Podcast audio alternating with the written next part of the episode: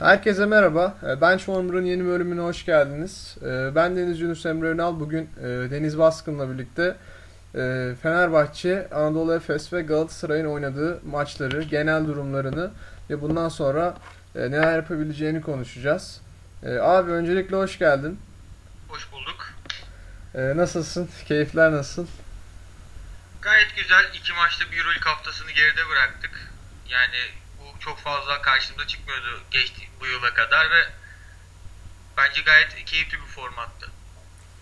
Yani her ne kadar Eurolig'in e, saatleri ayarlama konusunda bayağı bir e, yanlış tercihleri olsa da hani birçok önemli maçı aynı saate koymak gibi.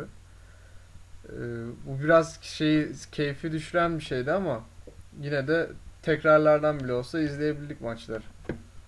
Yani anladığım kadarıyla o biraz e, Euroleague'in satış politikasıyla özellikle kendi lig passlerini aynı NBA'deki olduğu gibi satmanın peşindeler diye düşünüyorum ama hani bu şekilde zaten hani Euroleague dışarıdan çok büyük bir e, izleyici çekebilen bir organizasyon değil.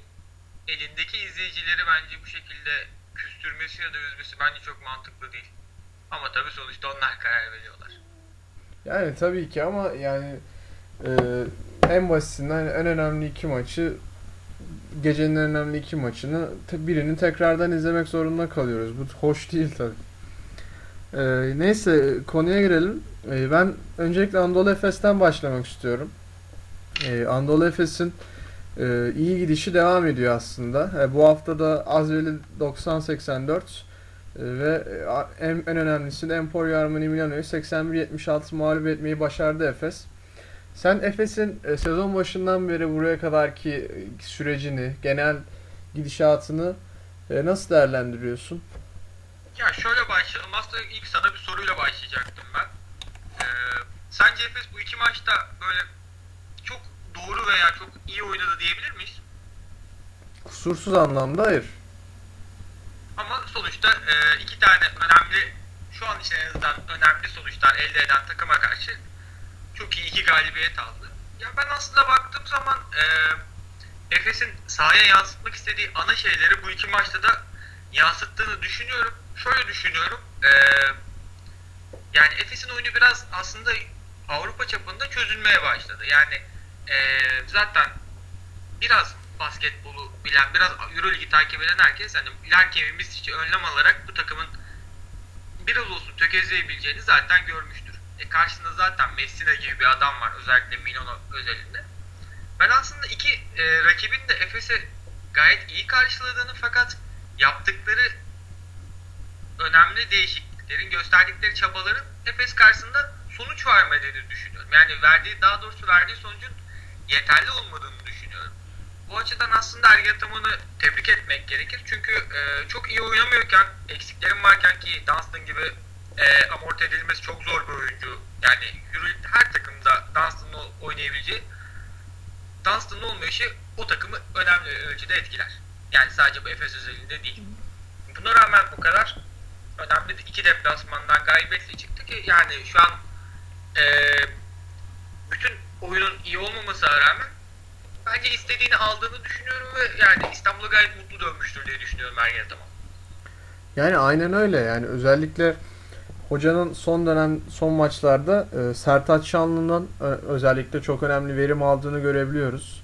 E, hakeza hani e, Plyce'ı Plyce'dan da iyi verim almasına rağmen gerektiğinde Plyce'ı son dakikalarda oyundan çıkarıp kısa beşe dönmek gibi e, Plyce'ı oyunda tutmamak gibi tercih akıllı tercihleri de olabiliyor. Ben hani Ergin Ataman'ın kariyerinde açıkçası en iyi en formda dönemi diyebilirim bu dönem için. Bilmem katılır mısın?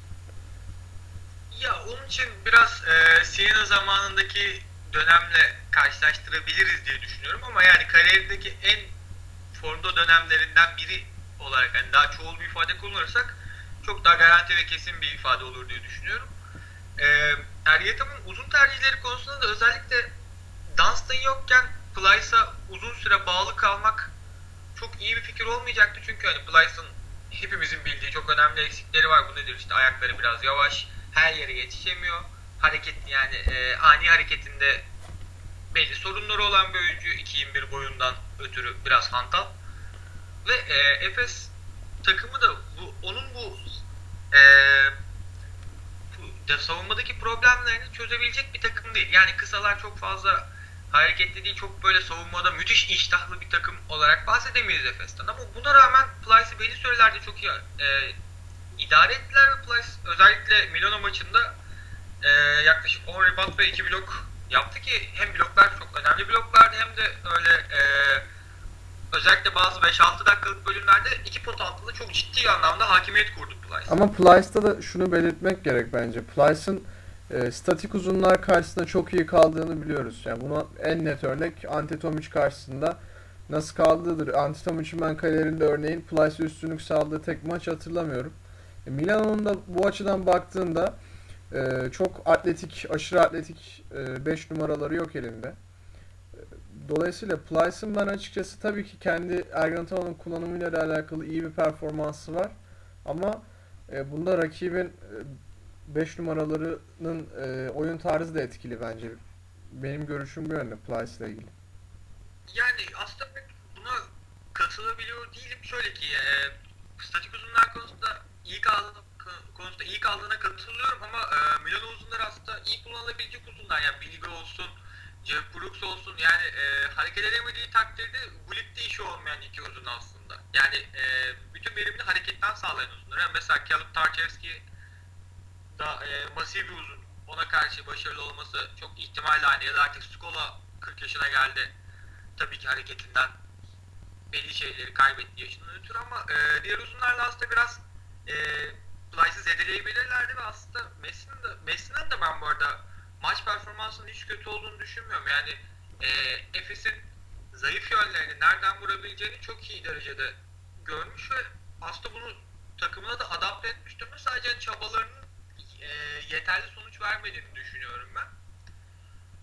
E, Efes üzerinde geri dönecek olursak ben e, Lakin'in iki maçtaki e, verimini beğenmememe rağmen isteğini çok beğendim.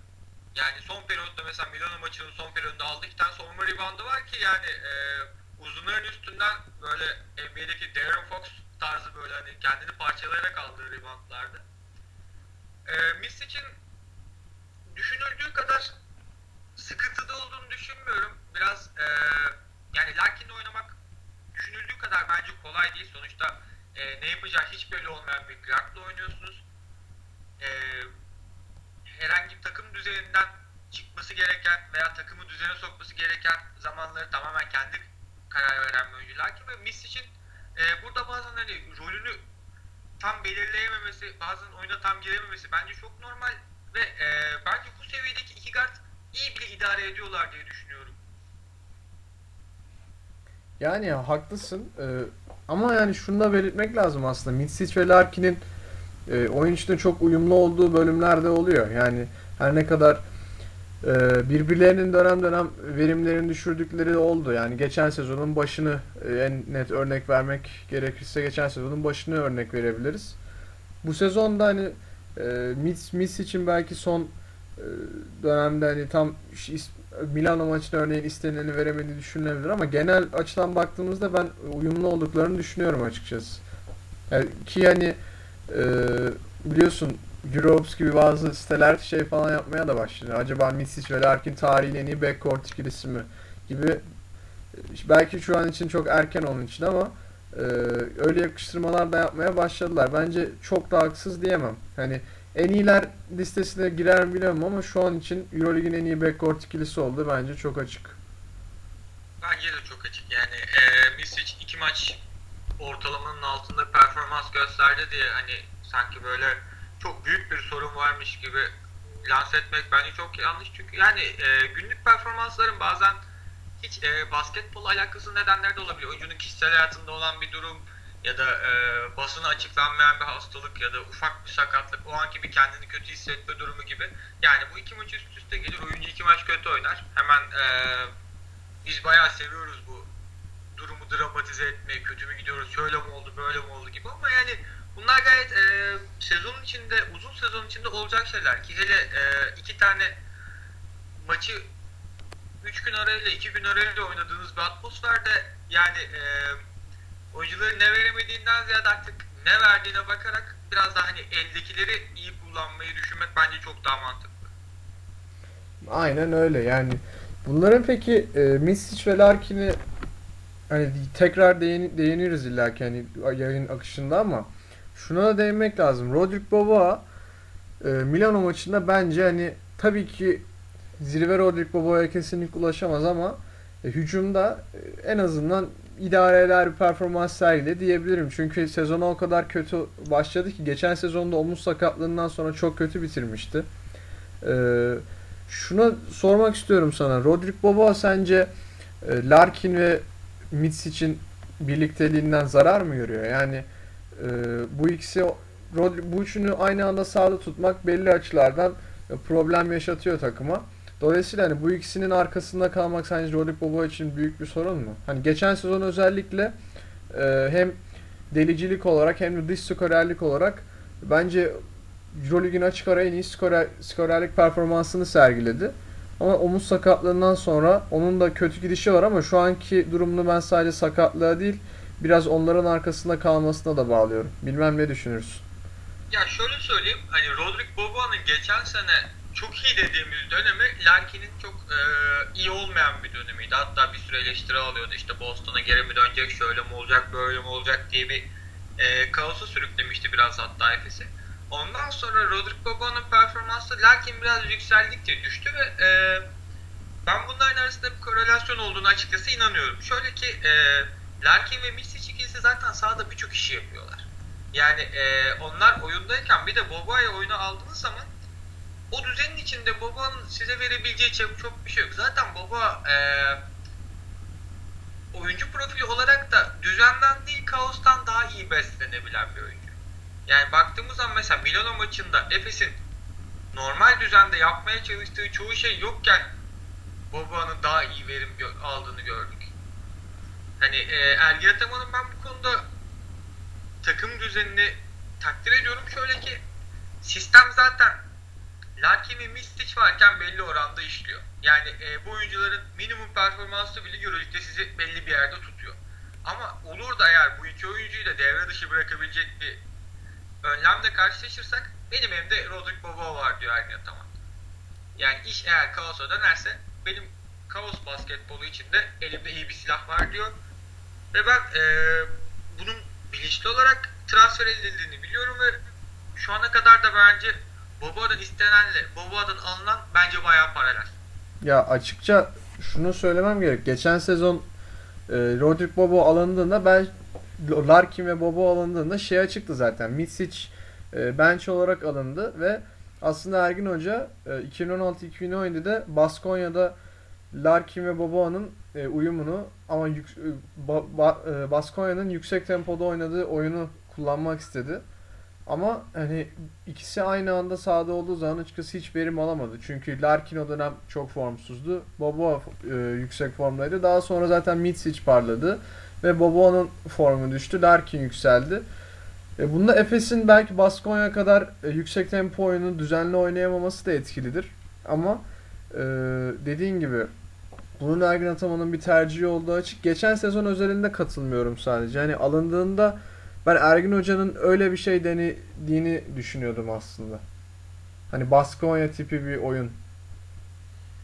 Ya tabii Baskonya iyi, iyi bir örnek. Yani sonuçta oyuncular da aynı oyuncular. Yani bunu beklemesi çok normal ama hani e, Misic'in nihayet istenen seviyeye geçen sene gelmesi ki sürpriz oldu bence birçok insana. Ben de dahil Ben çok üzere. daha önce bekliyordum ama artık umudumu kesmiştim o patlama konusunda.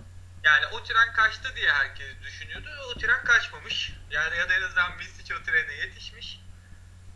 Ee, yani Boboa'nın şu anki rolünden daha fazla bir role adapte edilmesinin ben Efes açısından pek bir kazanç e, getireceğini düşünmüyorum. Çünkü dediğim gibi zaten Misic ve Larkin ikilisi zaten hücum organizasyonunda yeterli görevleri fazlasıyla üstleniyorlar.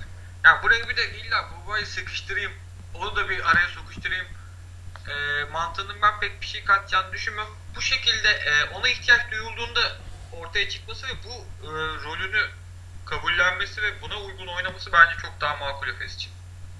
Ya, aynen öyle. Ee, ya diğer bir yandan da şeye değinmek istiyorum. Örneğin e, Simon e, geçen sezon biliyorsun e, Mitsic'in ve Larkin'in gerektiğinde yapamadığı zaman yardımcı oyun kurucu olabilmesi için alındı aslında Kronos Lasimo ve gerektiğinde skorerlik göstermesi için.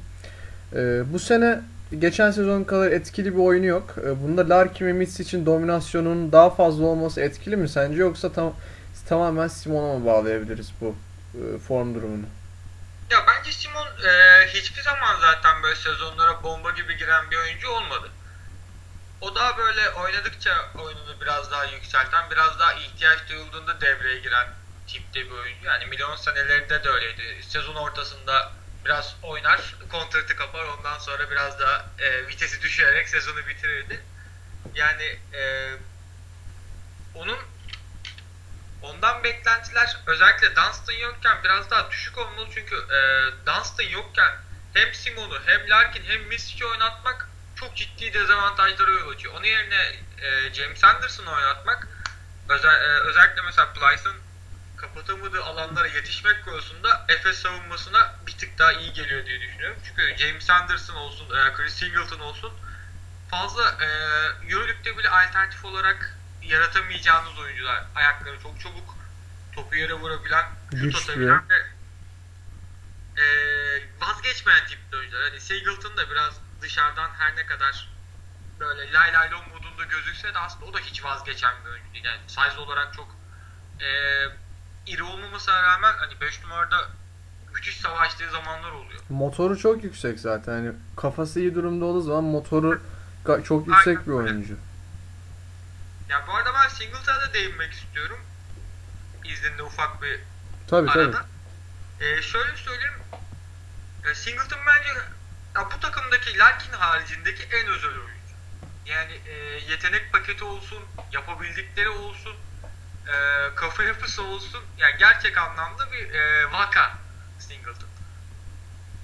Ki bu takıma da aslında e, katılma sebebi biraz Mormon'un sakatlığıydı doğal olarak.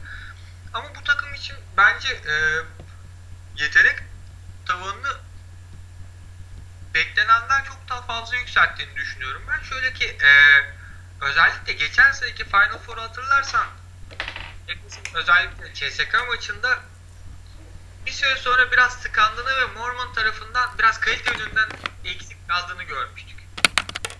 Orada sorumluluk alacak bir Singleton olsa mesela bir şeyler bence daha farklı olabilir. Yani Mormon orada bir tık daha aşağıda kalmıştı. Sahanın içindeki kalan 9 oyuncuya göre. Ya onda yorgunluğunun da etkisi vardı ama Muharman artık hani Ergin Hoca çok e, yoğun kullanmaya başlamıştı Muharman'ı ve Motm'un da hani bench'ten Final Four için yetersiz seviyede olması bunda etkiliydi. Bu sene sadece Singleton değil aslında e, Motum'a göre çok daha etkili bir oyuncu ve Ergin Ataman'a daha uygun bir oyuncu Alec Peters da var elinde. Yani ben Motum'u her zaman çok beğenen bir kişi olarak Alec Peters'tan daha iyi oyuncu görsem de evet Alec Peters daha Ergin Atamanlık bir oyuncu. Zaten Motum e, Ergin Ataman'dan önce alınmıştı ve e, Kontratı kapalı olduğu için kalmıştı sanırım. hiçbir zaman tam olarak şey yapamadı. Hatta hani geçen sene kendi düşündüğünden bile daha fazla sahada tuttu aslında Motum'u. Ama evet yani e, 4 numarada biraz daha derin bir rotasyonu var şu anda. Ya tek sıkıntı e, Mormon'un ne şekilde döneceği ve ne zaman form tutabileceği. Çünkü Mormon da e, ritim üzerinden oynay oynayan bir oyuncu. Yani şutu girmediği zaman hani iki şutu, üç şutu artık girmediğinde e, kafaca da düşebilen bir oyuncu. Bu bu tarz oyuncular genelde büyük maçlarda bu problemi yaşarlar. İlk şutları ve ikinci şutları girmediği zaman bu problemi yaşarlar. Ben e, genel olarak yine de Singleton'ın hepsinden bir tık önde olduğunu ve sezon ilerledikçe 4 numara pozisyonunda rolünü arttıracağını ve Dunstan kenardayken veya sağda, e, maçta hiç yokken 5 numaradan da çok fazla süre alacağını düşünüyorum. Aynen öyle. Yani Plyce'ın e, yani ki genelde uzunların çoğu o tarza kaydı. Daha hareketli uzunlara karşı etkili olamadığı açık. Ve Dunstan'ın da yorgun ya da etkili olmadığı durumlarda Singleton orada çok büyük bir alternatif oluşturacaktır. E, Peters hakkında da kısa bir değinelim istersen sonra e, daha genele kayacağım zaten. E, Peters da aslında e, bu son iki maçta çok etkili olamasa da ki genelde savunmada da e, zaaflar yaratan bir oyuncu. E, Peters hakkındaki düşüncelerin neler senin? Ergin Ataman'a çok uygun bir oyuncu olduğunu biliyoruz. E, bench olarak Muharman döndükten sonra bir kalabalık olacak potu altında. Sence e, kaçla kaç süre bandında süre alır? Hani Alec Peters. Ya şöyle Alec Peters biraz e, aslında Mormon'dan farklı bir oyuncu. Yani her ne kadar ikisi de e, iyi bir tepekçi Yok olduğunu çok farklı canım o ayrı bir konu. karakterler. Yani şöyle ki mesela Alec Peters bence çok daha iyi topu yere vurabiliyor. Yani daha 3 e, numaraya yakın bir e, topu yere vurma kabiliyeti var. Ama savunmada e, çok aslında gayretli olsa da yani sahada mesela onu görüyorsunuz. Adam gayretli ama e, belli yönlerden o gayreti bu seviyede pek fazla ye, e, yeterli olmuyor fiziki dezavantajından ötürü biraz. E, Savunma zekası da düşük bana göre. Ya savunma ya zekasından ziyade kendini o kadar çok parçalıyor ki savunmada şey olarak e, efor olarak bir yerden sonra düşüyor. Çünkü e, yeterince kuvvetli değil, yeterince hızlı değil. Yani fizik fiziksel paketi aslında kesinlikle bu seviyede savunma yapmaya yeterli değil. Özellikle e, hareketli dört numaralar konusunda. Onu çabayla kapatmaya çalışıyor ama bu onu e, enerjisini çok fazla emen bir faktör ve e, onun sahada kaldığı dakikalar arttıkça bence savunmadaki, e, hücumdaki verimi de düşüyor. Çünkü e, genel olarak enerjisi düştükçe tabi hücumda da yapabildiği şeyler sınırlı. Çünkü çok böyle e, basit, kendi kendi skor üretebilen bir skor yönde yok Alec Peterson. Daha e, takımın yarattığı pozisyonlarda verim verebilen, tek e, dribbling üstü atabilen, daha takımı bağlı bir hücumu var kendisine. Ya yani o açıdan Alec Peterson dakikalarının çok fazla artması hem Efes için hem Alec Peterson için çok iyi olmaz diye düşünüyorum. Tabi ideal bir düzende Singleton'ın tam formunu kavuştuğu, Mormon'ın döndüğü ve ritmini yakaladığı o üçünde sağlam olduğu düzenden bahsediyorum. Yani tabi e, Alec Peterson aslında belli çok yapabildikleri şey olsa da e, yani onları sadece Ergin Ataman'ın şöyle söyleyeyim hani Motum'a göre daha verimli kullanacağı açık. Herkes sağlıklı olsa bile. Herkes iyi durumda olsa bile. Yani ben Alec Peterson Motum'a göre çok daha fazla süre alacağını düşünüyorum. Ee, Efes'le ilgili son olarak şeyi söyleyeyim. Sen sezonun geri kalanında Efes'i e, artık ilk iki takımdan biri diyebilir miyiz? Yani biraz erken ama. Ya ben hiçbir takım için şu an ilk iki takımdan biri diyemeyiz ki buna Barcelona bile dahil. Şöyle ki eee Birçok takımın çok fazla sakat oyuncusu var. Birçok takım daha yerine oturmadı. Maccabi gibi e, aşağı doğru inmesi muhtemel takımlar olacak. Real Madrid gibi performansını oyun olarak da yukarı çekmesi muhtemel takımlar olacak. Mesela CSK'nın ben e, geçen seneki kadar, geçen senelerdeki kadar kuvvetli bir kadroda olduğunu düşünmüyorum. Hani bunlar biraz daha oturduktan sonra bir 5-6 hafta sonra çok daha rahat bu değerlendirmeyi yapabiliriz diye düşünüyorum ve e, bu sene özelinde birçok takımda vazgeçilmez oyuncular oluştu. Yani bunlar sakatlandığı vakit işler çok değişir. Mesela Real Madrid için düşünecek olursak eskiden ne vardı? İşte Sergio Rodriguez vardı, Lul vardı, Doncic vardı. E, gerçekten çok derin bir havuz vardı. Yani biri sakatlandığı zaman bir şekilde idare edilebiliyordu. Ama şu anda Lul'e bir şey olsa işler çok değişir.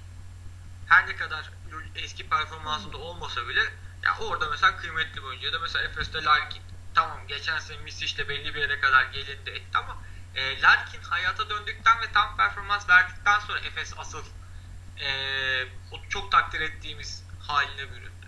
Yani Misic'teyken iyi bir Euroleague takımıydı. Ama Larkin döndükten sonra çok daha ayrı bir takım oldular. Yani bu şekilde çok fazla e, bir oyuncunun performansı çok fazla bağlı olan takımlar. Yani bu sene bence sak etkileyecek Final Four adaylarını. Son söylediğini bir daha söyleyebilir misin? Bir gidip gelme gibi oldu da.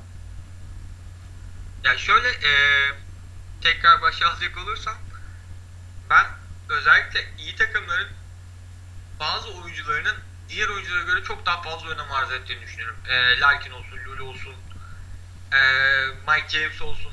Bu tarz oyuncuların alternatifleri Euroleague'de bu sene çok kısıtlı. Ve bu oyuncuların olası sakatlıklarının özellikle dengeleri çok değiştireceğini, takımın takımların kimyalarını çok değiştireceğini düşünüyorum. Çünkü çok hem çok iyi oyuncular hem de e, takımları için çok önemli yerdeler takım kimyası açısından. Yani e, hani Cenga'da o e, tahtayı çektiğiniz zaman hani birden yıkılır o tarz bir şeyleri yaşayabileceklerini düşünüyorum takımların. O yüzden bir 5-6 hafta geçmeden takımların e, bu oyuncuların olmadığı dönemlerdeki yaptıklarını görmeden, alternatiflerinin ne olacağını izlemeden bence iki, iki takımdan biri yorumunu hiçbir takım için yapamıyor şu an için. Yani o konuda aslında e, en rahat takımı Barcelona diyebilir miyiz? Yani aslında elinde çok fazla oyuncu var ve bunları da e, araya çektiğin zaman yıkıla, e, o Jenga'nın yıkılacağı bir oyuncu var mı sence Barcelona'da? Hani Ya şu Barcelona'da ama e, sakatları dönecek ve sakatları döndüğü zaman ne yapacağı da bence önemli. Yani sonuçta e, şu an daha rahat yapılabilecek bir rotasyon var. Yani Henga'yı, e, Mirotic çok daha rahat fazla sağda tutabiliyorsun ya da e, Abrez'i çok daha mesela şutör rolüne oturttular. Ama e, sakatlar döndüğü zaman onlara rol açmak gerekecek ve e, çok yüksek egoların da olduğu bir takım aslında. Yani. bence Delaney kesinlikle sorun çekecek çünkü PES için ben Hurtel'i ilk 5'e yerleştireceğine eminim. Delaney o konuda sorun çıkartabilir gibi geliyor bana. Yani Delaney şu anda resmen şey gibi, komutan gibi yani e, bazen topu Mirotic'e bırakıyor, bazen garip bir şekilde PES için bu Hanga'yı e, yönlendirici oynatmak gibi bana göre ultra saçma bir hareketi var. Bazen topu Hanga'ya bırakmak zorunda kalıyor ama kalan zamanlar top hep onda. Ve topu kimse istemiyor yani Abrines olsun, e, atıyorum Oriola'lar, Abrines'ler yani bunlar zaten çok topla işi olan oyuncular değil.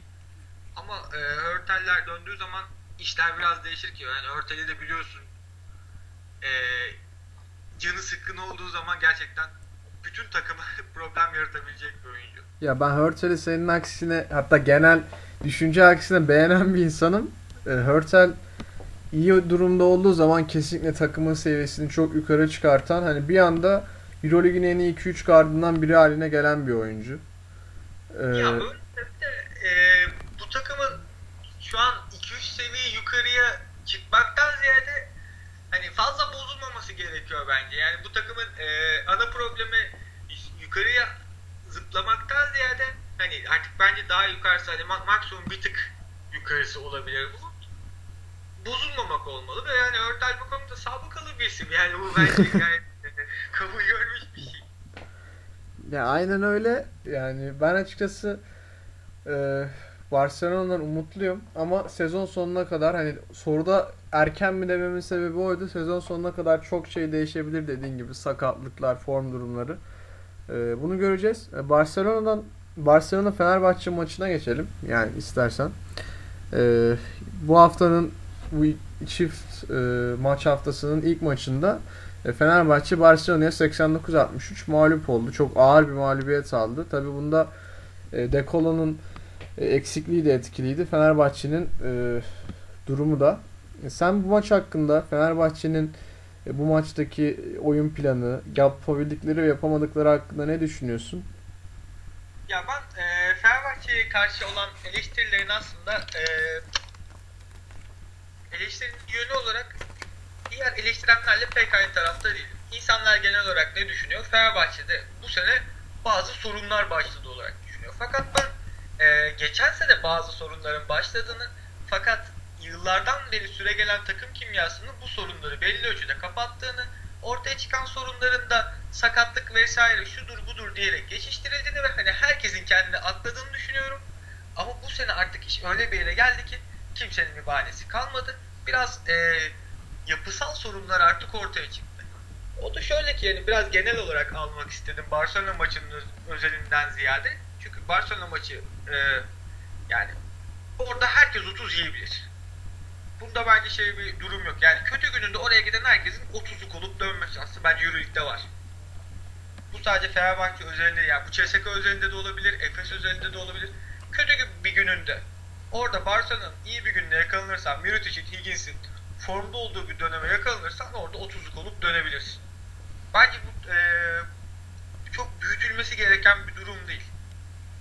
Büyütülmesi gereken durum bu takımın bence yapısal sorunları. Şöyle ki eee, bu takımın forvetlerinden herhangi birinin yani Sulukas hariç ve uzunlar hariç geri kalan her oyuncudan bahsediyorum aslında. Ali Muhammed'i de dahil edebiliyorum.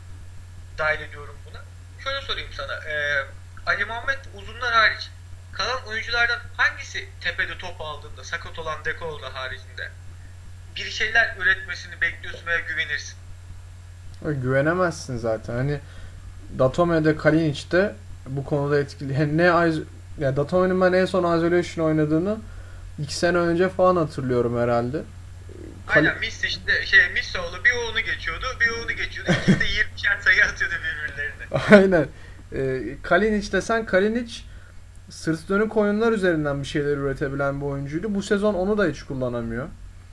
Ee, e, diğer tarafta hani baktığında takımda bench'ten hani e, bir şeyler üretmesini bekleyeceğin oyunculardan Leo Westerman sezona felaket başladı. Toparlayacak gibi de değil. Ben umutluydum açıkçası Westerman'la. Ee, o da belli bir şey aşamadı, performansı aşamadı.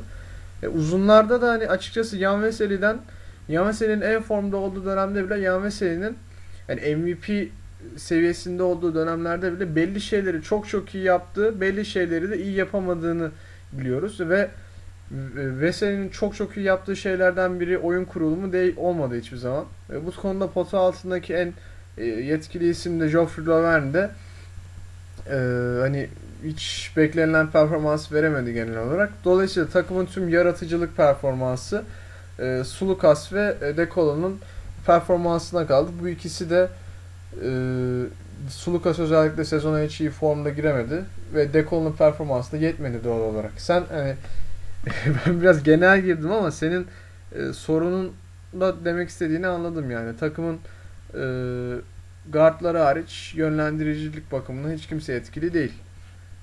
Ve topu Yani- yere vuramıyor en basitinden. Ya sana şöyle ifade edeyim yani e, insanlar Sulukas'a bence çok fazla suç buluyorlar. Şöyle ki takımda topsuz hareketi geçtim. Topla hareket eden oyuncu sayısı, topla hareket eden forvet oyuncu sayısı bile neredeyse sıfır. Yani baktığın zaman e, özellikle Barcelona maçında hatırlarsın belli yerlerde e, Geoffrey Leven dışarıdan topu alıp birebir oynadı. Yani Jo- Geoffrey Leven'in yetenek paketinde olan veya e, sık kullandığı bir şey bu değil.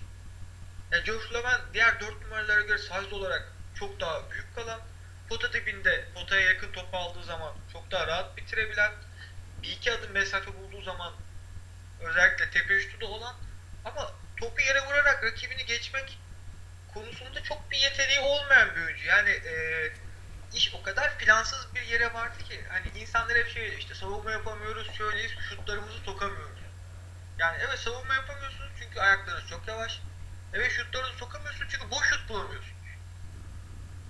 Yani e, sonuçta bunların hepsi birbirini tamamlayan şeyler. Yani birbirlerinden beslenen şeyler. Siz iyi bir savunma yaparsanız onun moraliyle, onun verdiği o coşkuyla tabii ki sizin hücumunuz art, e, şey, e, daha verimli olur ama Fenerbahçe basketbol takımı bence verimli hücum etmiyor her şeyden önce. Ki Dekolo da CSK'daki o çok rahat 20 sayıyı atabildiği ve verimli 20 sayıyı atabildiği arkadaşlarının da etrafına yarar sağlayabildiği seviyesinden bence bir tık altta. Yani o, o, o açıdan da ben Dekolo'nun sakatlığının mutlaka bir etken olduğunu ama bu sorunların tamamını oluşturan etmen etmen olmadığını düşünüyorum tek başına.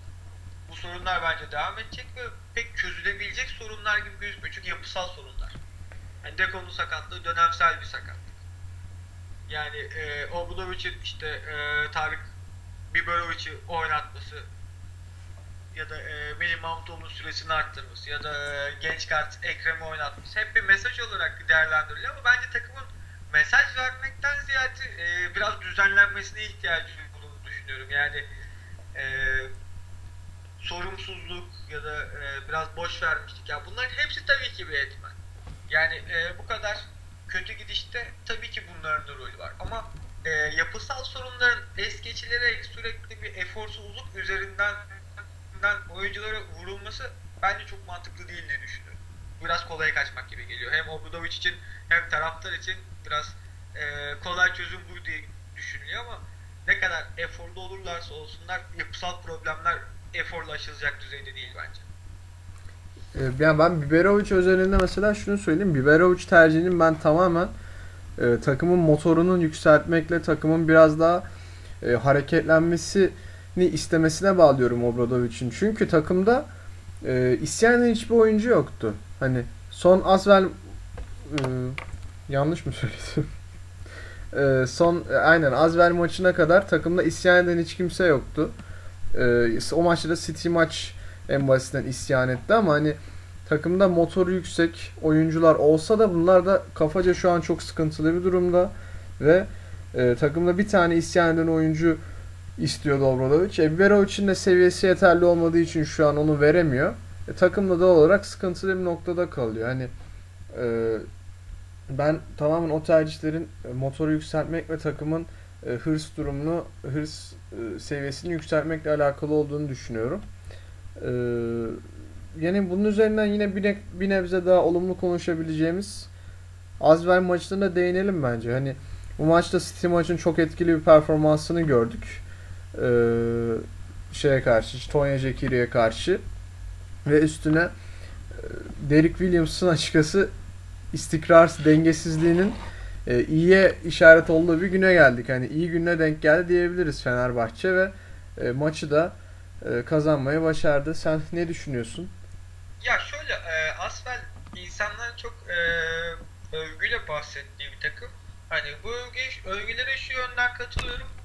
Kadro kalitesine göre iyi bir oyun oynuyorlar.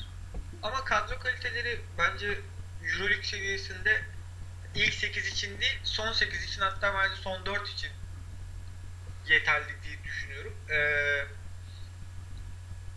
yani malzeme, e, eldeki malzemeden tamam güzel bir oyun çıkmış olabilir ama bu malzemenin belli bir yere kadar gidebileceği ama ondan sonrası için gitmelerinin imkansız olduğu bence çok açık. Yani Anton Dio olsun, Yekiri olsun, e, guardlarının ismini unuttum, Jordan Taylor olması lazım.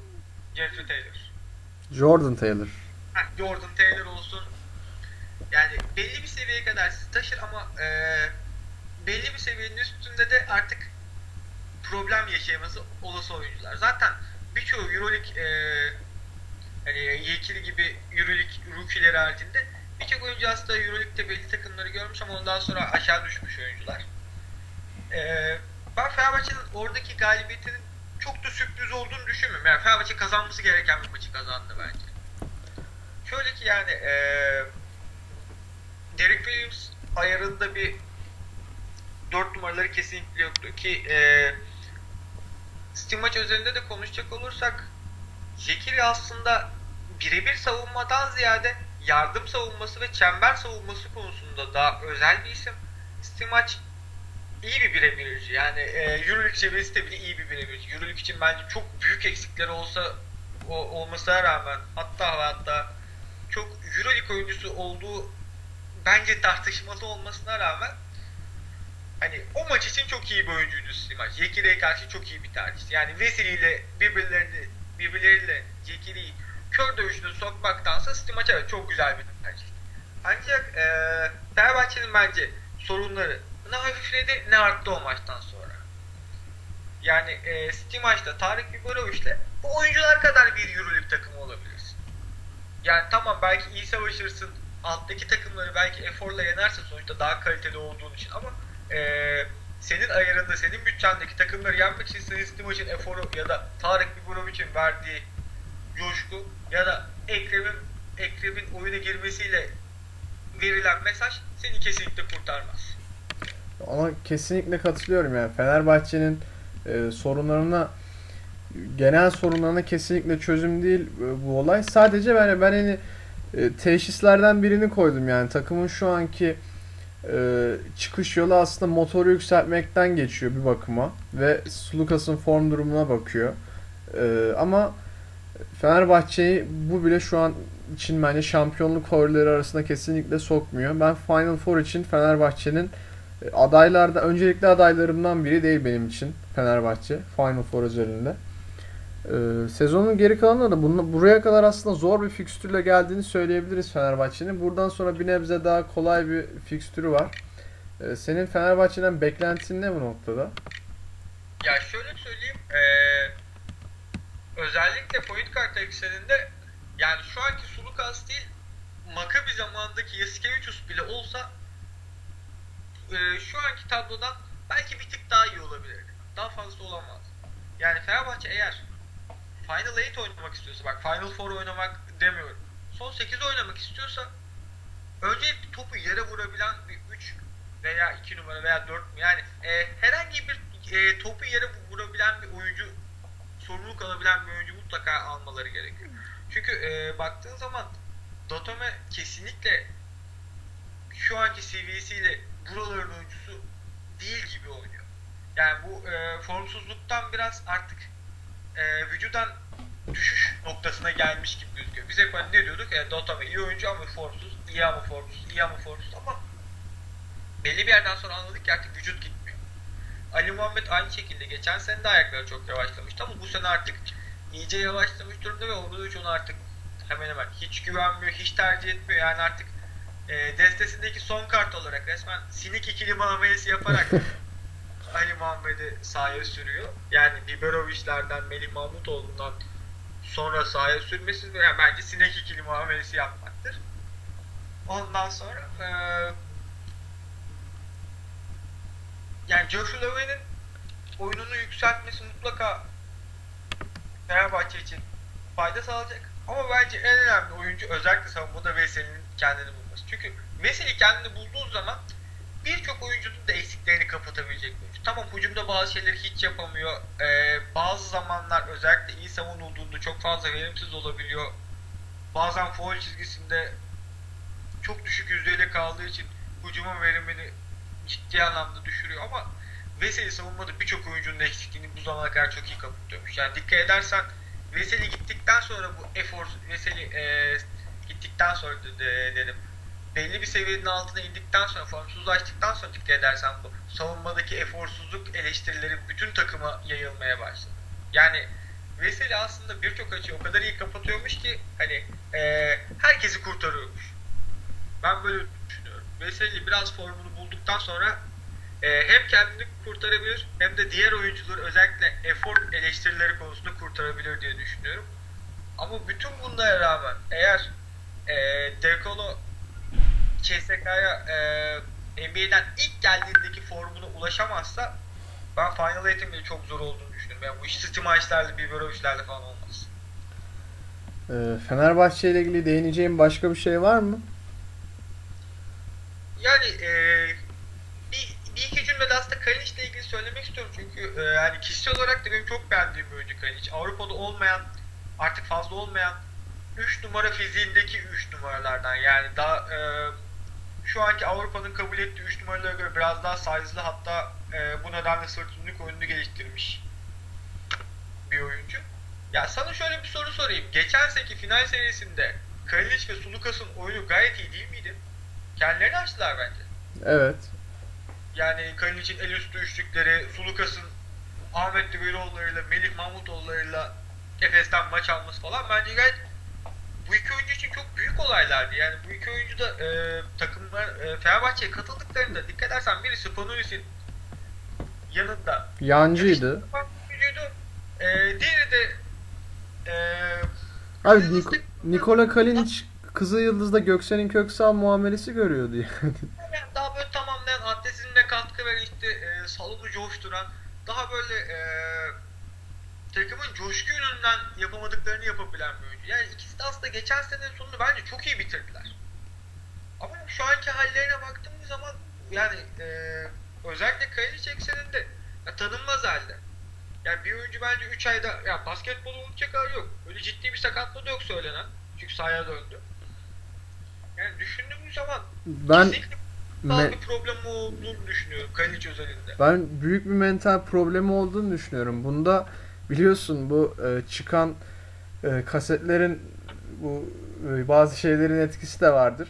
E, biliyorsun bazı görüntüleri düştü internete. Onların da etkisi Yani. ol- ol- olduğunu düşünüyorum. Üstüne e, Sırbistan milli takımına alınmaması gibi şeylerin de ben Kalinic'i olumsuz etkilediğini düşünüyorum. Yani şu an bence Sulukas özelinde değil ama Kalinic özelindeki en büyük problem mental sorunları bence.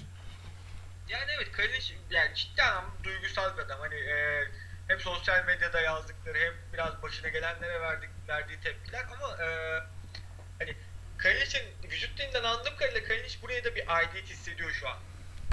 Yani e, kazanılabilen bir oyuncu, kazanılabilir durumda olan bir oyuncu diye düşünüyorum Kalinic için.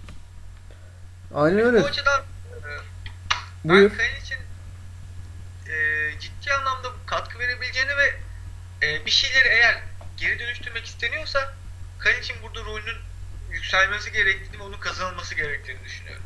Kalic önemli bir oyuncu bence. Peki sen e, Fenerbahçe'nin yapısal sorunları bir yana bu durumunda hani e, maaşların ödenmemesi gibi e, dedikodular vardı. Gerçekliğini ne derece doğru bilemeyiz. Bunun etkisi var mı sence?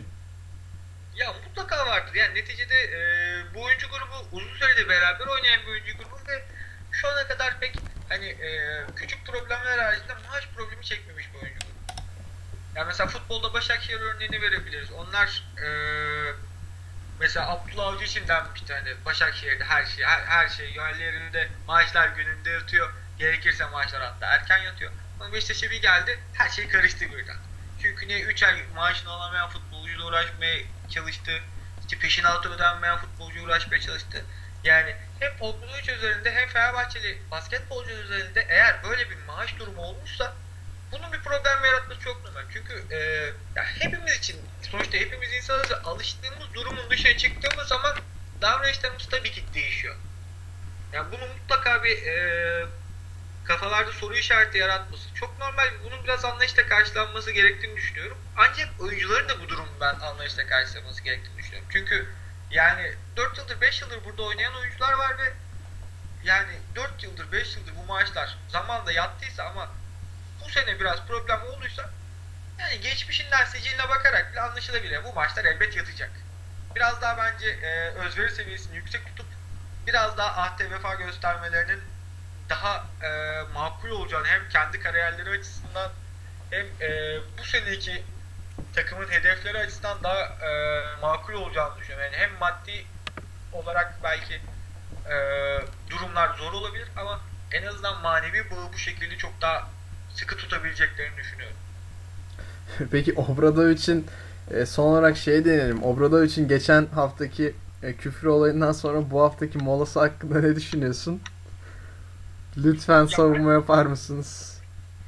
Ya şöyle söyleyeyim, e, ben Obradovic'in bu konuda biraz e, oyuncularını ateşe attığını düşünüyorum, dürüst olmam gerekirse. Yani e, çıkıp, evet biz yapısal sorunlarımız var, biz bu takımı kurarken bazı şeyleri göz ardı etmişiz dese bence hem e, taraftarla oyuncular biraz daha birbiriyle barışır, hem biraz Obradovic tepkiyi kendi üzerine alsa e, kredisi çok daha yüksek olduğu için bu durumdan fazla olumsuz etkilenmez. Hem de oyuncularını kurtarabildiği için e, oyuncuların da performansı yükselir. Ama Obradovic biraz e, bu molalarda biraz şovinist davrandığını düşünüyorum. Yani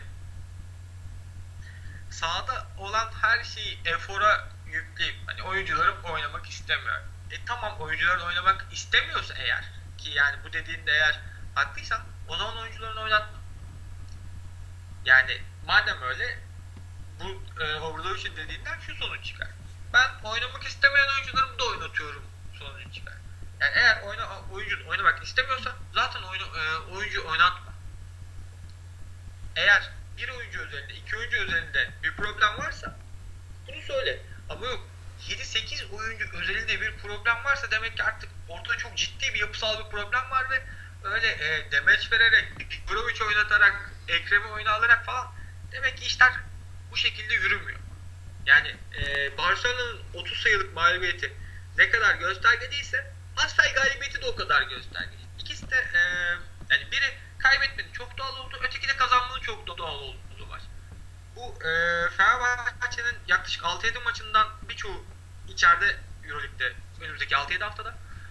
Ben orada Fenerbahçe'nin seyircinin de oyuna girebilmesi durumunda göstereceği reaksiyonu ben merak ediyorum. Yani o zaman biraz daha biz anlayacağız problem kimde, neyde ve e, bu problem ne, ne derece çözülebilir bence orada anlayacağız. Kim ki maçı bence bu açıdan çok önemli maç. Çünkü kim ki az bir takım değil. Öyle düşünüyorum ben. Aynen öyle. Fenerbahçe'ye çok ciddi sorunlar çıkartabilir. Ee, ilgili daha söyleyeceğim bir şey yoksa Galatasaray'a geçelim. Ee, Galatasaray e, üst üste aldığı açıkçası ağır mağlubiyetlerden sonra e, Unicaja Malaga maçında çok ciddi bir reaksiyon gösterdi e, ve maçı kazanmayı başardı. E, sen bu maç hakkında e, Galatasaray'ın e, genel durumu hakkında ne düşünüyorsun? Ya şöyle e, yani çoğunluk bu maçtan bir reaksiyon bekliyordu. Çünkü bu maç Euro Cup'taki en ciddi takıma karşı oynanan maç. Yani bu maç bir etiket maçı, reklam maçı.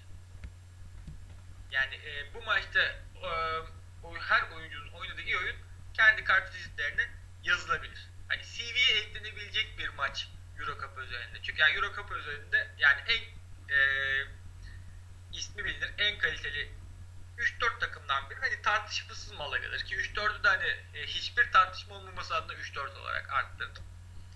E, benim için e, önemli dikkatimi çeken nokta iki Türk oyuncunun işler kötü giderken isyan eden tarafta olması. Yani Ertuğrul Erdoğan her röportajında şey diyordu. Türk oyuncuların artık e, köşede hani üçlük için bekleyen savunmada da işte baskılı savunmadan başka fazla bir vasfı olmayan, efor üstünden oynayan oyuncular olması yerine biz onları topla da oynamalarını istiyoruz demişti. Ve e, Göksel'in üzerinde bu denemesi her ne kadar yanlış olsa da bana göre oyuncunun özellikleri açısından Yiğit de daha iyi sonuçlar yarattığını gördük. Yiğit'in topla oynayabilme kabiliyeti her ne kadar çok yeterli olmasa da ondan e, bir şeyler yaratmaya çalıştığını görüyoruz ve bu maçta Yiğit çok iyi bir geri dönüşü imza atan isimlerden biri oldu. Yine Ege Arar aynı şekilde geçen sene çok eleştiriliyordu. Yani e, basketbolcu olmaz noktasına kadar eleştiriliyordu. Oradan ondan bir cevap geldi ki kendisi de yine altyapıdan çıkan bir oyuncu. Beni en çok mutlu eden iki etmen o oldu. Öte yandan baktığımız zaman e, bu takım havasını bulduğu haliyle havasını bulamadığı hali arasında çok fazla fark olan bir takım. Yani e, dağılma eşiğiyle rakibi dağıtma eşiği arasında o kadar çok fark var ki. Yani e, Malaga gibi bu kupa için çok kuvvetli bir takıma karşı 15 sayı geriye düşüp ondan sonra rakibi 20'ye yatırmak yani cidden aslında garip bir durum takdir edersin diye düşünüyorum. Aynen öyle yani bu maçta Yiğit ve performansı e, takımın reaksiyonunu çok ciddi yukarı çeken bir durumda ki 3. çeyrekte Galatasaray e, müthiş bir performans gösterdi açıkçası. E, yani 3. çeyrekteki reaksiyon ve savunma e, mükemmeldi. E, ama takımın hani genel problemleri de hala daha açık. Yani sezonun geri kalanında açıkçası e, kimsenin Galatasaray Euro Cup şampiyonluğu için adaylardan biri olarak bile gördüğünü düşünmüyorum şu şartlarda transfer olmadan. Evet, şu an şöyle çünkü yani e, net bir problem var nedir? Kalite.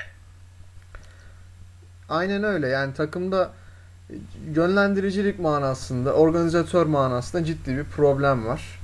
Ee, bunun haricinde pota altında da hani e, açıkçası takımda bu maçta tamam 3. çeyrek özellikle çok iyi bir savunma yaptık ama genel olarak baktığında takımda savunmada ciddi bir problem var. Nedir? Savunmada e, zeki bir oyuncu yok şu an. Hani bildiğin herkes e, uyuyor. Ben Moore dışında ben örnek vermek gerekirse switch yaptığımızda Ben Moore dışında e, doğru pozisyon alabilen tek bir oyuncu yoktu bu maça kadar. Bu gibi Ya ben- problemler çok fazla. Şöyle söyleyeyim ben. E, özellikle switch savunmasında bir kere her screen'e takılıyoruz. Yani aa screen gelmiş modunda özellikle e, Webster ve e, diğer gardımız müthiş derecede bu arada yeni ismini unuttum. Bu ara bir isimleri unutuyorum. Şey Diğer- Lazerik, Jones. Ha, Lazerick Jones. E, yani Jones ve Webster resmen savunmada screen geldi. Aa screen gelmiş. Tamam ben o zaman kalayım modundalar ve yani e, bu şekilde olmaz. Şöyle e, hani screenlerden çıkamayacak yani bir e, Muhalbas için ya da ne bileyim NBA'deki Valenciunas'ın falan screenlerinden bahsetmiyoruz. Yani 2-0-2, 2-0-3 boyunda incecik Amerikalı oyuncuların screenlerine takılıyoruz. Yani e, screen'in kalitesinden ziyade bizim e, screen savunması konusunda özverisizliğimizden kaynaklanan problemler yaşıyoruz. E, bunu kabul etme noktasında da değil. Şöyle ki yani eğer bunu kabul edersek bizim zaten uzunlarımızın ayakları e, bu kupadaki çoğu oyuncu e, uzunun ayaklarına göre hızlı. Yani biz show up ya da switch de yapabiliriz. Ya da mesela e, eski 2013-2014 zamanı kazan gibi çok yüksek yerlerde show up'lar yaparak yani rakip püskürtmeyi de deneyebilir. Çok riskli bir savunmadır gerçi ama O Ee, kolay kolay bizim takım yapabileceği bir şey değil ya. yani evet biraz zeka yönünden, oyun zekası yönünden çok ciddi bir kalite isteyen bir savunmadır. Ama hani, e, biz bir şeyler deneyemiyoruz savunmada. Hani screen'e takıldık, iyi takıldık artık. Yapacak bir şey yok. Atsın adam modundayız. Ondan sonra e, yalandan el gösteriyoruz. Sonra adamlar el üstünden üçlük attı oluyor. Ben buna katılmıyorum. Hani el üstünden üçlük attıdan ziyade onu üçlük atacak e, mesafeyi verenin o özgürlüğü verenin bizim savunmamız olduğunu düşünüyorum. Özellikle ondan sonra da deplasmanlarla çok kolay dağılıyoruz. E, Malaga maçında her ne kadar herkes biraz da o e, rakibi sürüklese etmenin verdiği coşkuyla iyi oynuyor gibi gözükse de halen daha Webster ve e, Lazarick Jones ekseninde çok ciddi problemlerimiz olduğunu düşünüyorum. E, geçen sene mesela ne deniyordu geçen sene sonuna doğru? Hani hepimiz Webster'ı istedik ama bu oyuncu 2 numaraymış. 1 numarada yeterli performansı gösteremiyor deniyordu. Ama hani kusura bakmasınlar bu oyuncu 2 numarada da yeterli performansı gösteremiyor. Ya Webster'ın e, bazı problemleri çok açık. Yani Webster'ı bu takımı alırken senle de konuşuyorduk. Konuşuyoruz devamlı. Webster'ı alırken e, Webster'dan delici olmasını bekliyorduk. Ki deli, Al- Almanya'da bunu çok iyi başarıyordu.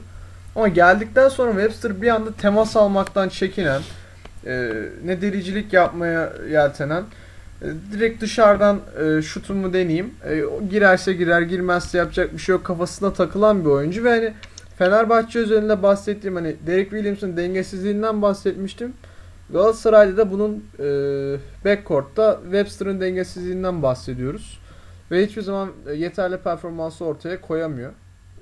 E, bu maç özelinde şunu belirtmemiz lazım. Bu maç özelinde e, Lazerick Jones artı Ty Webster 11 asist yaptı. İkisinin de e, biraz ver, ver- alınan coşkunun etkisiyle iyi performans gösterdiğini söyleyebiliriz ama bu kesinlikle e, sürekli bir şey değil bence. Yani bunu bir deplasmanda yapmaları belki çok kıymetli olur ama zaten sürklesi olmuş rakibe karşı yani şutlarına daha iyi girer, paslarına daha iyi gider. Sahaya bir kere daha hevesli koşarsın. O sürklese etmeyi bir kere başardığın anda artık o e, kendin hücumun hem hücumun hem savunman hani e, sahada geçen her saniyede sen böyle kar topu gibi büyürsün. Böyle çiğ olursun artık. Ya Ama- aslında deplasmanda yapabilirsen işte o çok kıymetli yani çünkü deplasmanda e, hani herkes maçları zaten izliyor. Rakip takım biraz havayı yakaladığı anda Galatasaray hücumunu Webster'ın top kaybıyla biten bitiş sonrasında rakip takımın fast break ve smash basketten sonra Ertuğrul Erdem molası şeklinde bir e, ritüelistik bir durum yaşıyoruz artık. Yani e, o hücumda daha top e, dip şeyden e, pot altı çizgisinden oyuna sokulmadan önce Webster'ın e, o hücumda top kaybı yapacağını hepimiz biliyoruz. Yani bildiğimiz bir filmi izliyor gibiyiz. Yani eğer Webster özellikle minimalist bir koşluk, daha mikro bir koşluk yapılmazsa eğer yani e, molalar ya da e, onun ne zaman oyunda olup olmayacak gibi konular çok netleştirilmezse Webster hakikaten çok ciddi zararlar veriyor bu takıma. Yani Lazarick Jones mesela en azından neyi yapamadığını biraz daha bilen bir oyuncu. Tabii Webster'a göre bilen bir oyuncu. Yani e, kişisel olarak onu savunduğum kesinlikle anlaşılmasın. Webster'a göre biraz daha bilen bir oyuncu ama Webster hakikaten e, ne yapabildiğini ve ne yapamadığının farkında değil. Ne iyi yapabildiği şeylerin farkında ne hiç yapamadığı şeylerin farkında. aynen öyle yani Lazarick Jones'un biz de öyleyiz aslında. Neyi yap, neyi yapıp neyi yapamayacağını biliyoruz ama Webster'ın o kadar günü gününe uymuyor ki. Hani neyi yapıp neyi kötü o gün neyi iyi neyi kötü yapacağını bilemiyoruz hiç. Bu bence Webster'la alakalı en büyük problem. Yani Ertuğrul Hoca'yı da bir yerde anlıyorum çünkü e, Webster yüzünden ya da Lazarick Jones yüzünden tempoyu düşürse bu takım zaten yarı saha yani korkunç bir takım. Ciddi anlamda çok verimsiz bir takım. Ya bu sefer hiç skor üretemeyecek. Yani biraz o riski almasını da anlıyorum. Ancak e, yani madem bu kadar koşmaya niyetliydi ki e, koşmaya şu an mecbur. Biraz daha en azından çobanlık yapabilecek bir bir tane gardı olsaydı bu iki oyuncu yerine çok daha iyi bir sezon yaşardı diye düşünüyorum. Yani bu iki oyuncunun kötüsü çünkü hiç çekilmiyor. Yani hocanın ben kendisinin de bu durumda hiç memnun olduğunu düşünmüyorum. Her ne kadar açıklamalarında memnunum dese de o biraz mecburiyet ifadesi. Yani neticede Oyuncumun oyuncuna siktir git diyemez yani maalesef e, böyle. Yani sonuçta yani transfer yapma gibi bir o an e, bütçesi yoksa elindeki oyuncuya da yani ben senden hiç memnun değilim deyip zaten adamın performans sallantılıyken adamı iyice bir kaosa sürükleme hiçbir anlamı yok yani. Yani e, kim oyuncu bundan belki belki beslenir ama hani 10 oyuncudan biri bundan beslenir. 9 oyuncu bundan moral bozukluğuyla birlikte bir düşüş yaşar. Ya Ertuğrul Erdoğan'ın da yani eğer bir mikrofon uzatıldığı anda orada yani Lazeric Jones da gitsin, Webster de gitsin, ikisine de lanet olsun diye mikrofonu böyle fırlatacağını düşünen beklemek bence çok saçma. Aynen öyle. E, bu yarı saha konusunda da şunu söylemek gerek. Bu konuda sezonun geri kalanında eğer transfer yapılmazsa ki yöneticiler kesinlikle yapılmayacağını söylüyor. E, tek çözüm e, Arapovic'in dönüşü olacak gibi. Onun da ne kadar iyi döneceğini, ne kadar e, verimli döneceğini bilmiyoruz. Ya işte zaten e, her maç bir sürpriz. Yani e, Orman Spor maçı da bir sürpriz olacak. Deplasmanda oynanan e, Kanto maçı da bir sürprizdi. Malaga deplasmandaki kazanma ihtimali bile bir sürprizdi. Olmadı gerçi ama bayağı bir e, direnç gösterildi.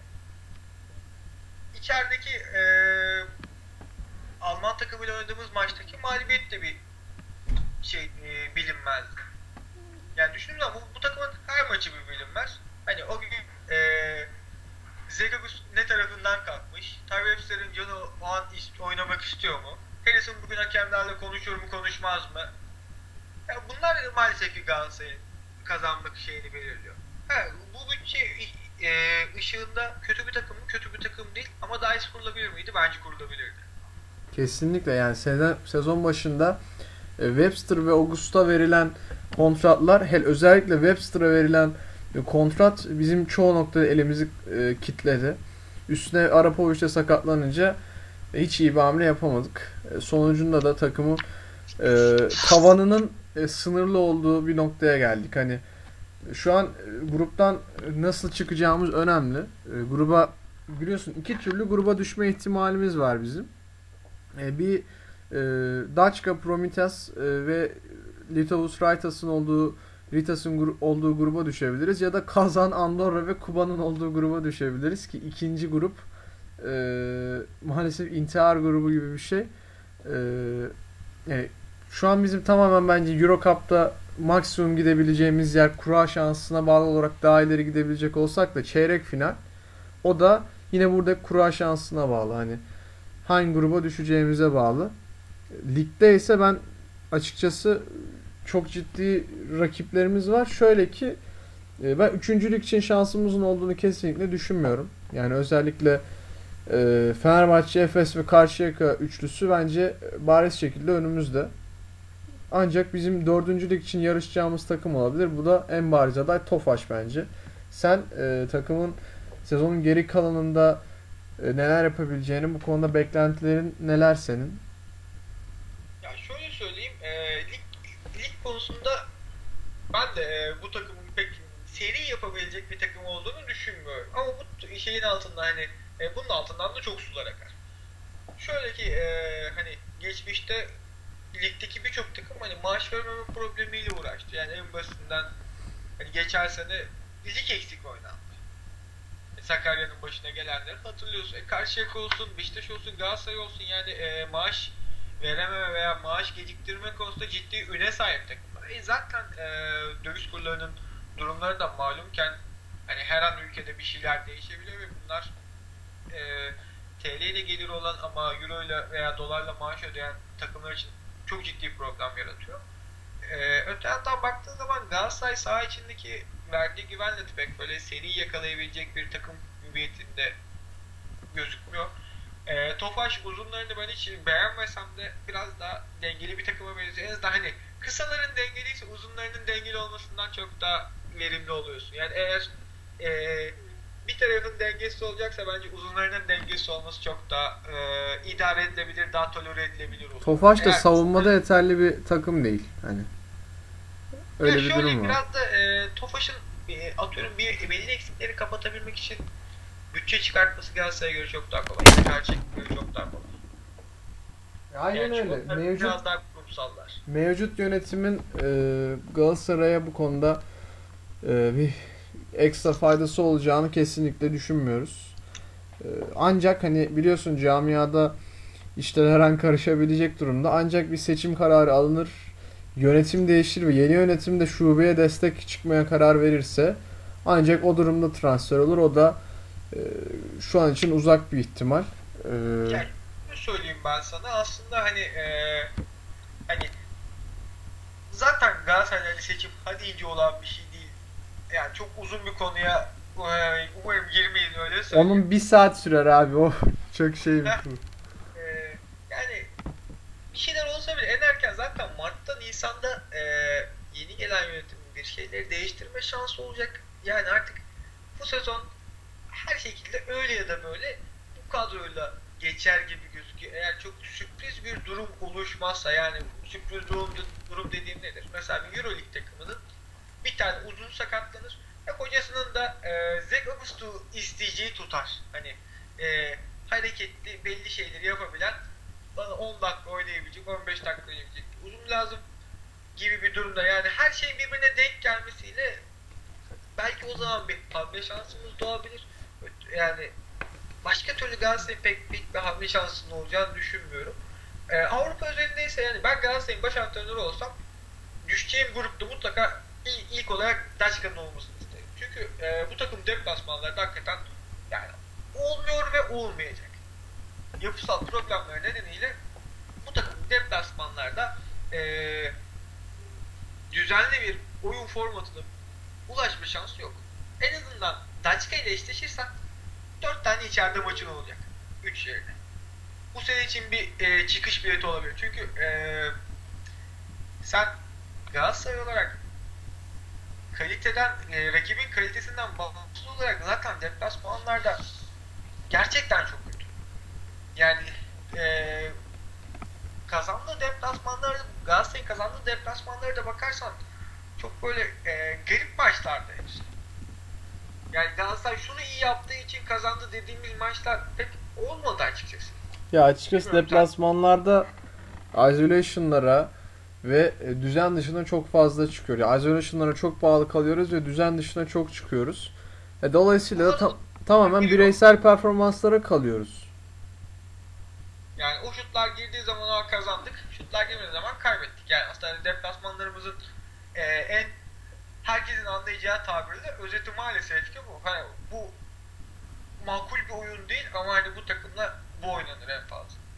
Ya onun için biz içerideki maç sayımızı arttırmak için en azından hani Daçka böyle bir fırsat sunuyor bize. Hani ben olsam hani e, takımlardan biri Daçka olduğu sürece diğer iki takımın hiç ne olduğunu düşünmem. Çünkü zaten kimle oynasam deplasman sıkıntı, kimle oynasam içeride avantajlıyım diye düşünüyorum. Ve e, hani içeride 15 bin kişiye nasıl ulaşırım, o maçta 15 bin kişiye nasıl oynarım diye düşünüyorum. E, şubenin yerinde olsam. Aynen öyle. Ee, Galatasaray'la ilgili daha nelere e, değinebiliriz diye bir düşünüyorum. E, pota altındaki oyunculara biraz değinebiliriz. Yani senle ilk program olduğu için biraz diyorum. E, Whittington, e, Ben Moore ve Arapovic üçlüsü e, pota altında takımın aslında en potansiyelli üçlüsü ve Arapovic de dönünce orada çok e, gereksiz bir bolluk olacak diyebiliriz. Yani aslında hepsine ihtiyacımız ol- olacağı maçlar olur ama e, maalesef ki şeyden dolayı e, bütçeden dolayı birinden çıkmak zorundayız. Bunları Augusto dahil ederek söylüyorum. Sen orada e, Arapovic dönünce kimden çıkılabileceğini düşünüyorsun? Ya da bir çözüm bulunabilir mi sence? Hepsini tutmak gibi. Yani şöyle bildiğim kadarıyla hepsini tutmak gibi bir şansımız yok. Hani onunla konuşuyoruz zaten devamlı. O pek mümkün değil gibi maalesef. Hoca kendi açıkladı hatta. Birinden Yani çıkmak zorundayız. Agustan çıkma şansımız da yok. Yani e, herkes Agustan çıkmanın uzun vadede bize daha fazla fayda sağlayacağını düşünüyor. Yani belki tek pivot oynayabilecek oyuncu Ege olarak kalsa da hani e, Moore'dur, Whittington'dır belli söylerde 5 numaraya geçer ya da Arapovic ve e, daha hızlı, daha e, mobiliteye dayanan bir oyunda en azından hani oynamaya çalıştığımız oyunu daha keskin oynarız kafasında izleyenler. Ancak e, Agustan da bildiğim kadarıyla çıkma şansımız yok ve Augusto burada mutlu diye biliyorum. E, bundan ötürü ben buradan çıkmak zorunda kalabiliriz diye düşünüyorum. Hani ben e, Moore'u çok ciddi anlamda seven ve takip eden birisiydim ve hani Galatasaray'a gelmişse de açıkçası çok sevindim. Benim, benim için müthiş bir sürpriz olmuştu ama e, sanırım Arapovic'in kontratının kapalı Moore'un kontratının daha çıkılabilir olması bu konuda seçimi etkileyecek diye düşünüyorum. Heh. Ee, şu da var. Elimizde zaten bütçe yokken yani fazla seçme şansı yokken aslında konuşacağımız çok da fazla bir şey yok. Çünkü hani August'tan çıkabiliyor musun? Çıkamıyorsun. Moore'u tutma şansın var mı? Çok zayıf. Arapovic nerede dönecek? Bilmiyoruz. Yani e, Whittington haricinde aslında bütün uzun rotasyonumuz hep böyle bilinmezlerle dolu. Ve e, hamle alanımız yok her şeyden önce. Yani böyle bir durumda e, yönetimin çıkarabileceği ekstradan 200 bin dolar para o kadar sorunu çözer ki yani e, o 200 bin dolar 200 bin doların normalde yaratacağı etkiden çok daha fazla etki yaratır. Yani belki 500 bin dolarlık bir etki yaratır öyle söyleyeyim sana. Çünkü e, Arapovic uzun uzun sayısı konusunda bir sıkıntı çekmesek de e, oyun tip oyuncu tipi olarak şu an ihtiyacımız olan bir oyuncu tipi. Çünkü e, oyunu açabilen, pas verebilen bir oyuncu. Yani şu an kısalarımız dahi bizim pas verecek oyuncu sayımız bir Harrington. Yani e, Avrupa'ya geçtim, Türkiye'de biliyorsun çok az takım sadece bir tane yaratıcı üzerinden gidiyor. Yani ve yani Harrington yani Harrington ve Harrison çok öyle şey bir oyuncu değil. Ne derler ondan da. Ultra yaratıcı, her şeyi tek başına yapabilen, müthiş bir skorer. Böyle bir oyuncu değil. Yani Harrison'ın aslında e, belli bir noktaya odaklanıp yani skorerliğine odaklanıp e, oyunu oyunun oynaması onun açısından da daha iyi olacaktır. Yani o o, e, o kısmı çok daha iyi yapıp e, takımın verimini de daha yukarı çekecek bir asker olur. Ama şu anda biz ondan general olmasını istiyoruz. E, maç sonlarında yine etkili. O ayrı bir konu ama şu an takımın esas ana ana yönlendiricisi olacak seviyede bir oyuncu yok takımda. E, o bakımdan ben söylediğim gibi Arapovic'in dönüşünün çok önemli olduğunu düşünüyorum. Ama işte o noktada kimi tutabiliriz pota altında, kimden verim alabiliriz o maalesef çok ciddi bir problem gibi duruyor. Hani Keşke Agustan çıkabilecek. Hani ben buna katılıyorum ama ben şey soruyorum yani Agustan çıkmak pek kolay olmayacak. işte o noktada ben çok kararsızım hani takımda savunmada e, akıllı durabilen tek oyuncu Ben Moore. Takımın rebound konusunda hem vertical olarak hem e, pozisyon bilgisi olarak yerleşim olarak en iyi oyuncusu Ben Moore. E, savunmada da yine e, switch sonrası her kısanın karşısında kalabilen bir oyuncu, her uzunun karşısında kalabilen bir oyuncu ve böyle bir oyuncudan e, çıkmak ihtimali var. Diğer yandan da Arapovic gibi takımın organizatörlük gibi e, çok önemli bir problemine pota altından ciddi fayda sağlayacak, e, sırt dönük oyunlarıyla çok verimli olabilecek ve takımda pota altında şutu e, en iyi iki oyuncudan biri olacak Arapovic var. E, Whittington'dan çıkma ihtimali zaten yok. Ben o konuda çok kararsızım hani kimden çıkmalıyız konusunda. Umarım o döneme kadar cidden bir Augusta bir teklif gelme durumu olur. Yani artık ne olacak bilmiyorum hani Augusto da kim ister, hangi seviyede şey yapılır bilmiyorum. Yani sonuçta şey e, Webster'ı Trinche- Trincheri'nin istediğinin söylendiği bir atmosferde Augusto'da biri ister diye düşünüyorum yani. Ama yani tabii bu biraz şey hani inşallahlık maşallahlık bir durum. Yani umarım Arapovic döndüğünde bir çözüm bulunmuş olur ve bu çözüm Galatasaray'a faydalı olur. Yani söyleyebileceğimiz aslında en eee, dolu şey bu. Bunun ötesi hep farazi konuşmak oluyor maalesef. Aynen öyle. Galatasaray ile ilgili değinmek istediğim başka bir konu var mı? Yani yok aslında. Galatasaray'ı sadece bir e, 3-4 hafta daha izleyip dediğim gibi o karar anına kadar performansını görüp karar anında ne yapacağını gördükten sonra bence biraz daha konuşmak daha mantıklı olur. Aynen öyle. Ee, o zaman e, bizden bugünlük bu kadar. Ee, Fenerbahçe, Anadolu Efes ve Galatasaray'ın e, mevcut durumlarını E bundan sonra neler olabileceklerini konuştuk. E, kendinize iyi bakın. Hoşçakalın.